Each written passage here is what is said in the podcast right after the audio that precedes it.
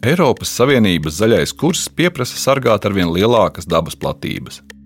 Taču vidas aizsardzības un reģionālās attīstības ministrija vilcinās, jo cietīs ietekmīgas saimnieciskās intereses. Nu, es to spiedienu izjūtu katru dienu. Ieilgušo nenoteiktību izmanto privātie meža īpašnieki, kuri izcērt nozīmīgus biotopus. Tas notiek arī valstī piedarošajos mežos. Skaidrs, ka tie procesi notiek gan aizsargājumās dabas teritorijās, gan ārpusē. Zemkopības ministrija uzņēmuma Latvijas valsts meža vadībā ilgstoši izvairās iesaistīt vides ekspertus. Tā ļoti švaka mums konkursā bija pretendentiem. Vai Latvijā kokrūpniecības industrija ir pārāk liela Latvijas mežiem? Un vai vides prasības izdosies līdzsvarot ar industrijas pieprasījumu? To atvērto failu pusstundā pētīšu es, Andrejs Vasks. Pirmā daļa - Mežs vai zaļā noliktava.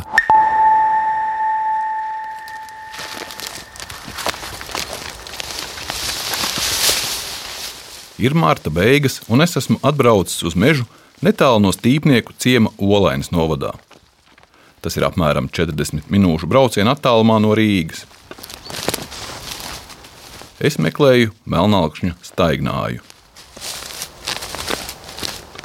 Dabas aizsardzības pārvaldes datubāzē Ozols, tas ir atzīmēts kā Eiropas nozīmes biotops. Pareizāk sakot, es meklēju to, kas ir palicis pāri no šī biotopa, jo tas ir nocirsts. Melnāksnis aizņem tikai 3% no Latvijas mežiem.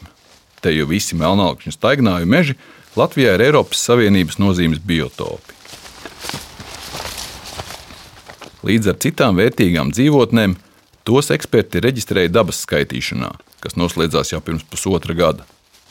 Ziņas par tiem jau gadiem var atrast publiskās datubāzēs.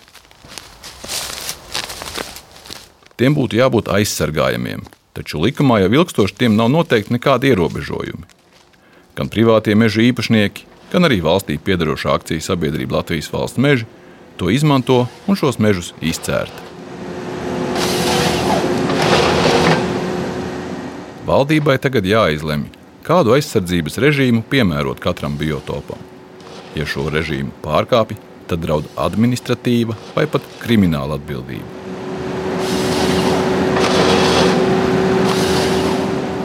Vairākus hektārus plašais izcirtums Olainas novadā, uz kuru esmu atbraucis, atrodas dūksnainā ieplakā. Apkārtē ir priežu jaunaudzes. Vienā malā melnākšņi, jaukti ar eglēm un bērziem, ir palikuši. Tur vairākus kokus vējš izgāzis ar visām saknēm. Pāri nu jau ar jauniem koku dzinumiem aizaugušajam laukam stiepjas traktoru riteņu atstātas rises. Tās tagad ir pilnas ar ūdeni. Visā laukā redzu cēlumus no 10 cm diametra līdz pat 60 cm. Šīs platības apsaimnieko valstī piedarošais uzņēmums Latvijas valsts meži. Nu, jāsāk ar droši vien to, ka Latvijas valsts meži e, bioloģisko daudzveidību aizsargā un pret viņu ārkārtīgi atbildīgi izturās arī visā normālajā e, ikdienas savā darbā. Tomas Skotovičs ir Latvijas valsts mežu runas vīrs. Varbūt tieši tāpēc jūs skatāties ziņas. Vakar, aizvakar bija ziņa par to, ka, piemēram, zivju līdzekļus ir sasniegušas salīdzinoši savu lielāko skaitu, un, un, un e, tā daudzveidība jau ļoti bieži rodas e, tieši no tā, ka saimnieko prātīgā veidā, nu, tā kā mēs to darām Latvijas valsts mežos, mēs to darām nu, pēc senču tradīcijām, pēc tām 250 gadu tradīcijām. Intervijas laikā viņš cenšas izcelt, ka uzņēmums ir prātīgs saimnieks un ļoti rūpējas par dabas aizsardzību. Tas strādājot sabiedrības interesēs. Kotovičs ir pieredzējis savā arodā, un viņu nemulsina pretrunas paša teiktajā. Daba jāsargā, bet ja likums biotopu neaizliedz nocirst, tad uzņēmums to arī dara. Ja ir kāds Eiropas nozīmes biotops, kas ir jāaizsargā, tad viņš ir jāieliek kā aizsargājuma teritorija. Un tas prasa uh, noteikti likumdošanas darbu, un tajā brīdī tas pārvēršas par aizsargājuma teritoriju. Tas, kas notiek šajā starposmā, starp to Latvijas valsts mežu, mēs paši vērtējam, kas ir vērtīgākie no biotopiem un kas ir mazāk vērtīgie. Vērtīgākos mēs aizsargājam proaktīvi, jeb brīvprātīgi. Latvijas valsts meži pastāvīgi izplata informāciju, ka cērtamās valsts meža platības arvien pieaug. Citiem vārdiem sakot, nocērt mazāk nekā varētu. No tām teritorijām, kur nav nekāda aprobežojuma, mums ir 250 tūkstoši hektāru meža, kas ir pieauguši vai pārauguši pēc vecuma kritērija. Nu, to varētu saukt citiem vārdiem arī par zaļo noliktavu. Bet, ja reiz mežā ir tik lielas rezerves, kāpēc jācērt Eiropas nozīmes biotopi? Piemēram, manis apmeklētais melnākšņu staignājs. Kotovičs man atbild šādi: ja nākotnē grib iegūt kvalitatīvus kokus, tad jāatjauno arī melnākšņu audzes. Nozīmīgus biotopus no iznīcināšanas Latvijā cenšas pasargāt neliels skaits sabiedrisku organizāciju, arī Pasaules dabas fonds. Fonda direktors Jānis Rozītis stāsta, ka valstī dabas aizsardzība ir prioritāte tikai vārdos. Lai arī kā mēs varētu domāt, ka šī brīža starptautiskie notikumi vidas jomā, gan klimata pārmaiņu, gan dzīvās dabas izušanas ātrumā, būtu jābūt Latvijas lēmumu pieņēmējiem saprotošiem par dabu un dabas daudzveidību. Nu, Atklāti sakot, nu, nekas īsti nav liecinājis par to. Ne arī desmitgadēs, ne arī pēdējos gados varbūt ir pieaugusi vismaz tādos lozungos atbalsts, ka šis jautājums ir jāskata kompleksi, harmoniski un kaut kādā saskaņā ar ekonomiskām interesēm. Otra daļa - mēs pieejam radoši.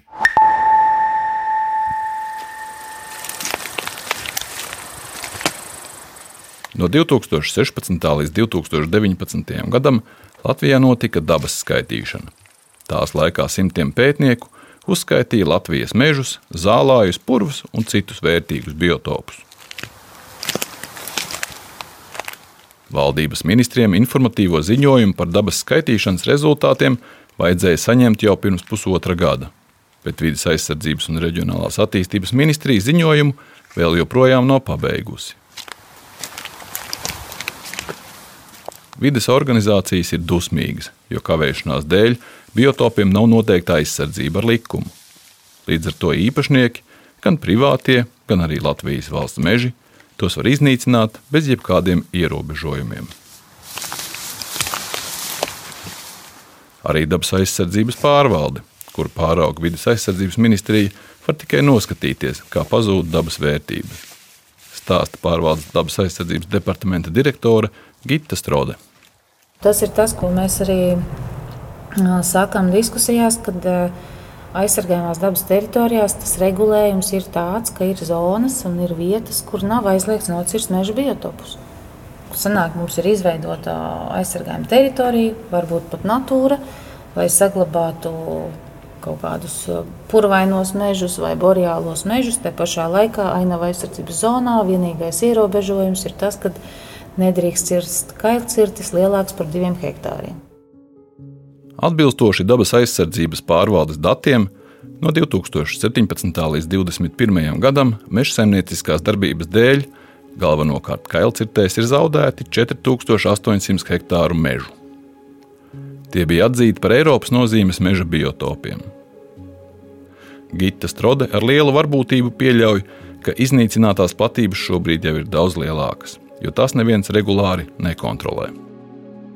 Es viņai jautāju, cik daudz no iznīcinātajiem mežiem ir uz valsts mežu un cik uz privāto īpašnieku sirdsapziņas. Tāda sadalījuma, kas ir privāti īpašumos, vai kas ir valsts mežos, vai kas ir pašvaldību mežos, mēs neesam vilkuši šobrīd. Tas ir liels datu apjoms, liela analīze, lai to saprastu. Tā, tā vienkāršoti, bet jebkurā gadījumā uh, Skaidrs, ka tie procesi notiek gan aizsargājumās dabas teritorijās, gan ārpusē. Kas notiks tālāk ar informatīvo ziņojumu par dabas skaitīšanas rezultātiem, ir atkarīgs no vidas aizsardzības ministrijas. Daiga Vilkaste ir dabas aizsardzības departamenta direktore. Mums nebija politiska atbalsta tādu līdz vēlēšanām kaut ko publiskot un veidot. Un tad patreiz jā, mēs to sākam zināmā mērā no jauna ar jaunu ministru. Kavēšanos ar ziņojumu par dabas skaitīšanas rezultātiem un nevēlēšanos aizsargāt dabas daudzveidību ir pamanījuši ierēģi Eiropas Savienības izpildvarā. Eiropas komisija, cita starpā, draud Latviju iesūdzēt Eiropas Savienības tiesā, lai sodītu par melnākšņa staignāju izciršanu. Turpina Daiga Vilkaste. Nu, līdz tiesai vēl neesam, bet nu, ir šie formālie un argumentēti atzinumi. Un kā, tur ir vairākas tās procedūras, tā kā jāstāsta kur, kurā stadijā. Lai izvairītos no tiesvedības un soda naudas, ministrija tagad cenšas steigā melnākšņa staignājiem noteikt ar likumu aizsargājums teritorijas statusu.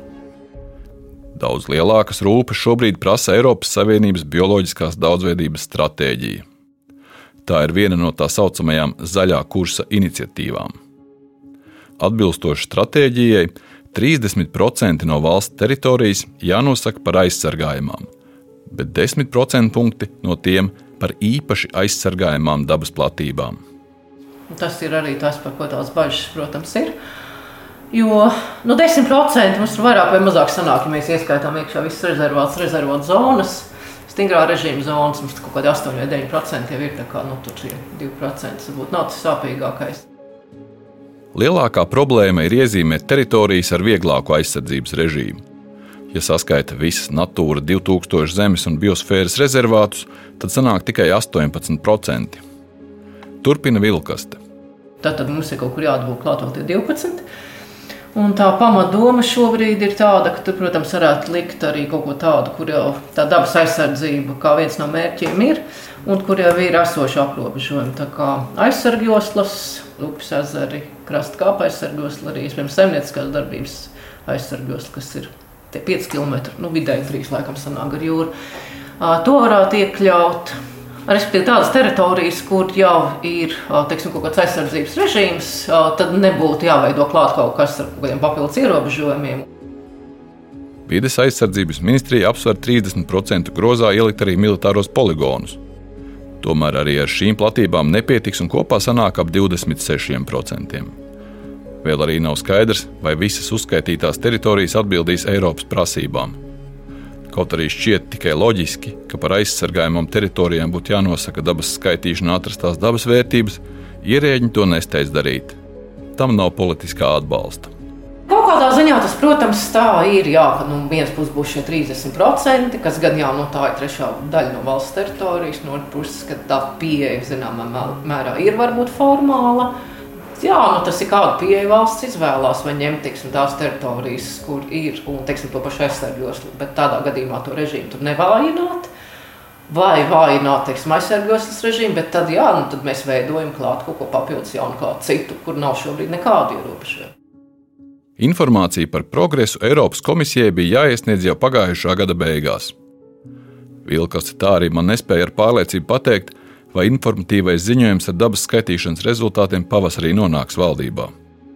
Viņa skaidro, ka vēl jāsaskaņo dabas aizstāvju, mežkopju, lauksaimnieku un citu zemju īpašnieku intereses. Tas esot sprādzienu bīstams temats arī valdības līmenī. Ministru kabinetā uzrunāja vidas aizsardzības un reģionālās attīstības ministru Māris Prindžuku. Viņš pārstāv apvienoto sarakstu. Vai jūs sagaidat, ka būs liels tracis? Viņš jau ir. Šobrīd viņš ir lokalizēts. Tiem, kuriem tas biotops ir, viņi, viņi jau zina. Ministriju gaiteņos, iestāžu gaiteņos jau notiek jau cīņas. Ja. Nu, es to spiedienu izjūtu katru dienu. Ja, nu, un cilvēki mēģina būt savā pusē, ja, bet es esmu vides aizsardzības un reģionālās attīstības ministrs. Arī šajā nosaukumā arī ir patiesībā pretruna Tāpat kā viņa priekšgājējiem, arī Sprindžukam neizdodas saskaņot iesaistīto pušu intereses. Tā problēma nav jauna. Es esmu teiksim, mantojis viņu, bet manuprāt, iepriekš tā politiskā praksa bijusi kaut kā noiet gar sienu, ja atstāt ierēģiem, gan jau viņi to paši izdomās, bet viņa ir politiska pēc savas būtības. Tad nav veida izvairīties. Un jo ilgāk mēs atliekam, jo mazāk mums laika paliek nu, dialogam un arī kaut kādām pētniecībām, jā, kā to darīt. Tā kā es teiktu, kāpjam grāvī, atrotam rokas un nu, ātrāk sāksim rakt kaut ko arī izrakstīt. Politiķi baidās no privātu īpašnieku dusmām, kad būs jāpaziņo par jauniem īpašumu ierobežojumiem, lai sargātu dabas vērtības. Valsts nav tik bagāta, lai aizliegums kompensētu. Springļuks cer, ka pietiks vien ar ierobežojumiem tajās teritorijās, kur tie jau pastāv vai arī aizsardzības pasākums ievies tikai valstī piedarošajās zemēs. Ja mēs bijām radoši un valsts ar to, kas jau ir apgrūtināts, ieliek ieskaitā, tad nu, tas sloks uz privātiem paliek mazāks. Tad mēs varētu savu kvotu izpildīt arī za publisko īpašumu. Tomēr arī tas būs sāpīgi, jo aizsargjoslu zemju īpašnieki un pašvaldības prasa vājināt režīmu, lai varētu mazliet brīvāk saimniekot, piemēram, pie jūras ciemos. Sprindžuks min, ka to varētu izlemt kaut kad līdz rudenim. Trešā daļa - Zaudējam Lielbritāniju.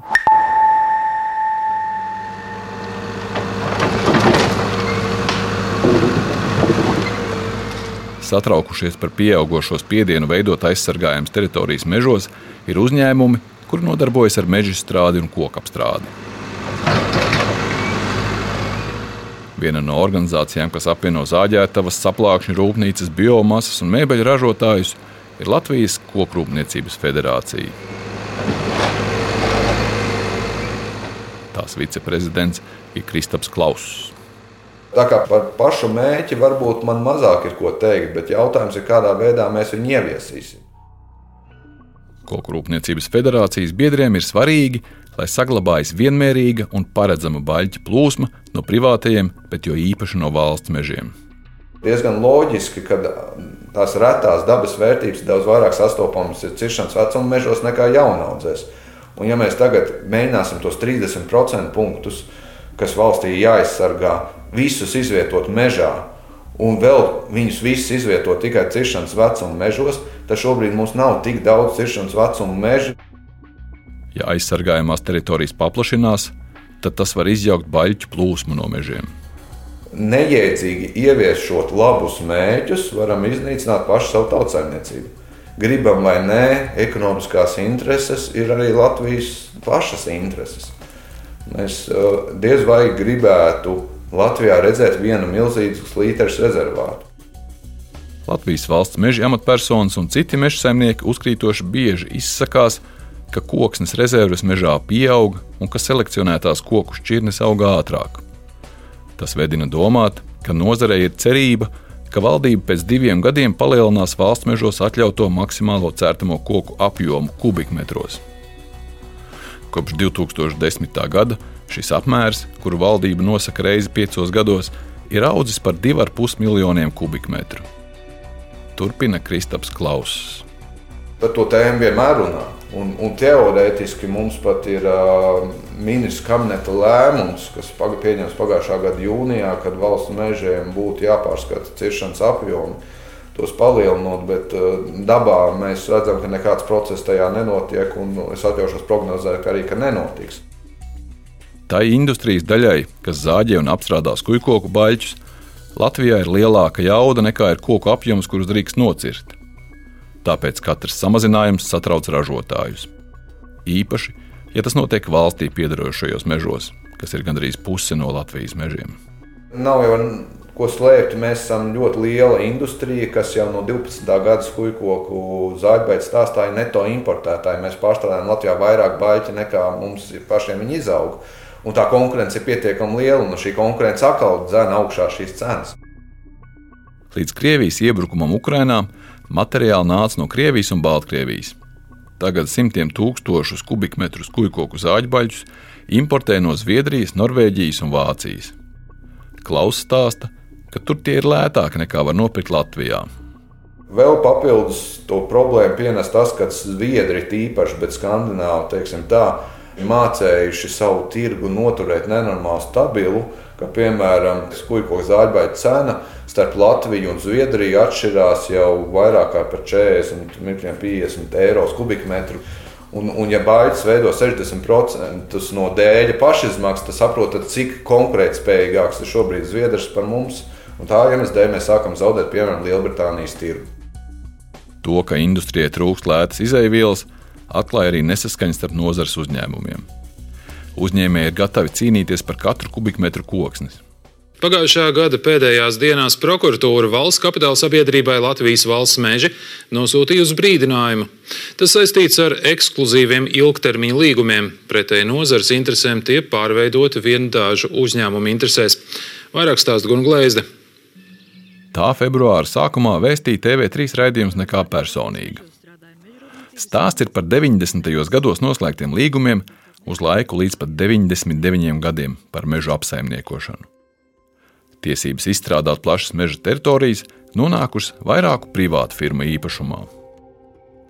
Lai saīsinātu termiņus un pielāgotu mūsdienu apsaimniekošanas sistēmai, Latvijas valsts meži mainīja līguma nosacījumus. Šī iesnieguma tapa sakarā ar to, ka uh, nozarē tika radīta atsevišķiem spēlētājiem priekšrocības. Andris Ramoliņš ir firmas Tiga RM īpašnieks. Viņš lūdza prokuratūru pārbaudīt, vai Latvijas valsts meži, labojot līgumus, nav pārkāpuši likumu.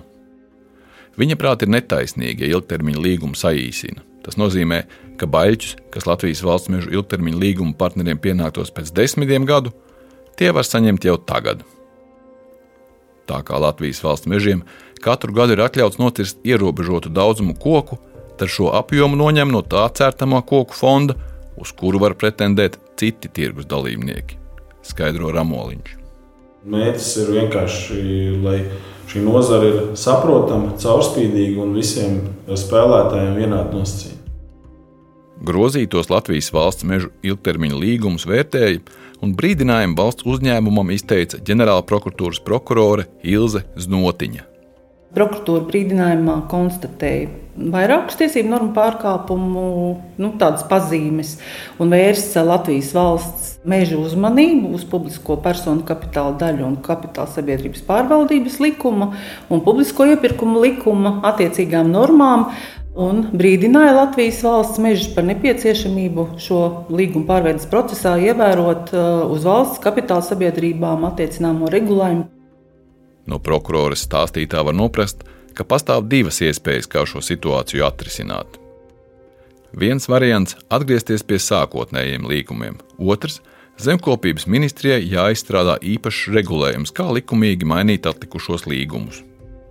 Iesaistītās iestādes šobrīd domā, ko prokuratūrai atbildēt. Latvijas valsts meži vēl turpina vērtēt šos darījumus, stāsta uzņēmuma runas vīrs Tomas Skotovičs. Pašlaik Latvijas valsts meža neveic nekādu ilgtermiņa līgumu pārveidošanu, tāpēc, ka par šo ir arī, arī jau ziņots, ka Latvijas valsts meža valde ir nolēmusi veikt eh, tiešām visaptverošu vēlreiz pārbaudi, lai tiešām saprastu, vai viss ir kārtībā. Uzņēmumu pieaicinātie eksperti pārbaudē ir atzinuši, ka likums nav pārkāpts. Kotovičs arī cenšas man pārliecināt, ka koksnes apjoms, kas pārdodas šo līgumu ietvaros, nav liels. Tas apjoms ir apmēram 8% no visas koksnes, ko Latvijas valsts meža pārdod. Un, lai saprastu to dinamiku, tad kādreiz, tā, kad mēs pārņēmām, tā, ka Latvijas valsts meža uzsāka darbību, tad tajos ilgtermiņa līgumos bija 65%, divas trešdaļas no visas koksnes.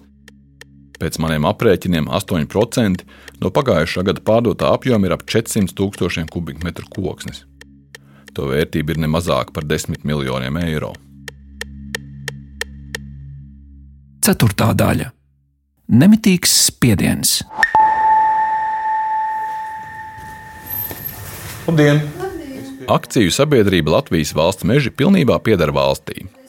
Tā kapitāla daļas tur zemkopības ministrija. Es pie Kronberga kunga. Gribēsiet atstāt jaku? Uzņēmums marta sākumā palika bez augstākās vadības, tas ir padomes. Lai par to jautātu, intervijai uzrunāja ministrijas valsts sekretāru Raivi Kronbergu. Es te patās nav ko tur. Raivim Kronbergam padomas locekļu pēkšņa atkāpšanās nebija pārsteigums. Tas varbūt izskatās no malas dīvaini, bet tas instruments, kā šajos uzņēmumos veidoja padomas, tad, kad tas viss uzsākās, man jau šķita, ka tā būs, ka tās varētu būt kādas intereses, ka tā Tas sākotnējais mērķis, ka padomus veidos tīri no nozares profesionāļiem, ir izjūts.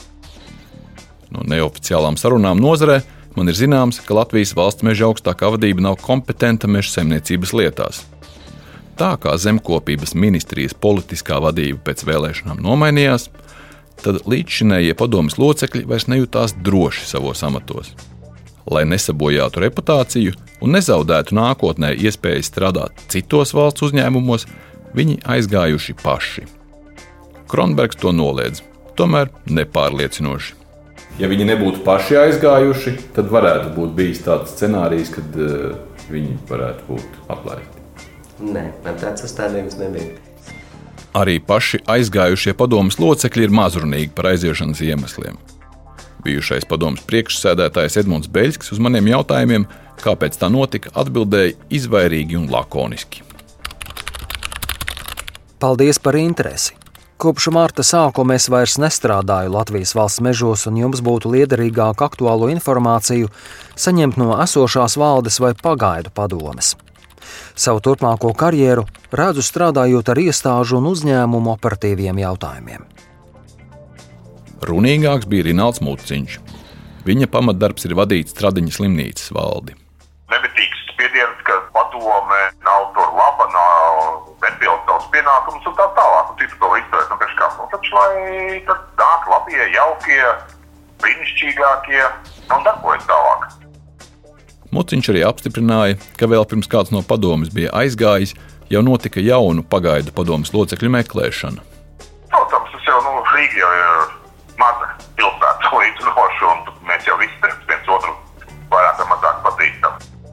Aizgājušajai padomē cita starpā pārmeta, ka pērnu konkursā tā izraudzīja divus valdes locekļus, kuri neatbilda nevainojams reputācijas prasībām. No marta sākuma valdi kontrolē jauna, pagaidu uzņēmumu padome. Vai tās uzdevums ir atbrīvoties no pašreizējās valdes? To jautāju Raivim Kronbergam. Tas, kad uzstādījums no akcionāra vai no kāda cita, tagad atbrīvoties no valdes, tādi nav. Pagaidu padome šobrīd izvērtē Latvijas valsts meža darbu. Tostarp arī valdes locekļu paveikto. Izvērtējuma secinājums gaida zemkopības ministrs no apvienotā saraksta Digis Šmits. Man ir viens mērķis, ko es Kāds saka, esmu teicis visiem, kas man uzrunājuši, arī padomus priekšādātāji tiekoties, mērķis ir tāds, lai Latvijas valsts meži atjauno reputāciju, kas ir domāju, nedaudz cietusi un uh, strādā vienkārši valsts interesēs. Uzņēmuma valde strādā nepilnā sastāvā. Trūkst valdes locekļa, kura atbildība būtu dabas aizsardzība. Šis postenis bija brīvs arī bijušās padomes laikā. Arī pašā padomē šī vieta bija vakanta dabas aizsardzība nav arī specialitāte nevienam no pieciem cilvēkiem, kur ir pašreizējā pagaidu padomus sastāvā. Es to atgādinu Raimam Kronbergam. Tā ir mūsu brīva izvēle, kā mēs nodefinējam padomus kompetences. Savukārt valdē neviens nav atbildīgs par dabas aizsardzību, jo piemērotu kandidātu ar šādu specialitāti nevarēja atrast. Mums toreiz uh, bija tāda vēlme ielikt kompetenci uz, uh, uz vidi, bet tā ļoti švakta mums konkursā bija pretendentiem. Tās ilgas un gaidas uh, par to zaļo kursu un vidi mums bija tik augstas un lielas, un tās prasības, ka šie kandidāti līdz galam neviens neiegūta pietiekums punktus. Uzņēmuma stratēģisko mērķu sarakstā, ko apstiprina valde un padome, dabas daudzveidība ir pēdējā vietā. Pirmajā ir palielināt ilgtermiņa peļņu. Tas neizbrīna Pasaules dabas fonda direktoru Jāni Rozīti. Domāt par to, ka Latvija ir ļoti no dabas viedokļa aizsargāta, mēs esam pēdējie saistībā ar NATO 2000, nu, īpaši aizsargājot dabas teritoriju aizsardzības viedokļu Eiropā. Un mēs esam arī vieni no pēdējiem ar šo saucamo biotopu aizsardzību. Nu, sakot, mēs esam ļoti atpalikuši no Eiropas citām valstīm saistībā ar iniciatīvām dabas aizsardzībā. Uzņēmumam, kas pārvalda pusi no mežiem Latvijā, jādod lielāks ieguldījums dabas aizsardzībā. Būtu jādomā par tiešām 21. gadsimta izaicinājumiem.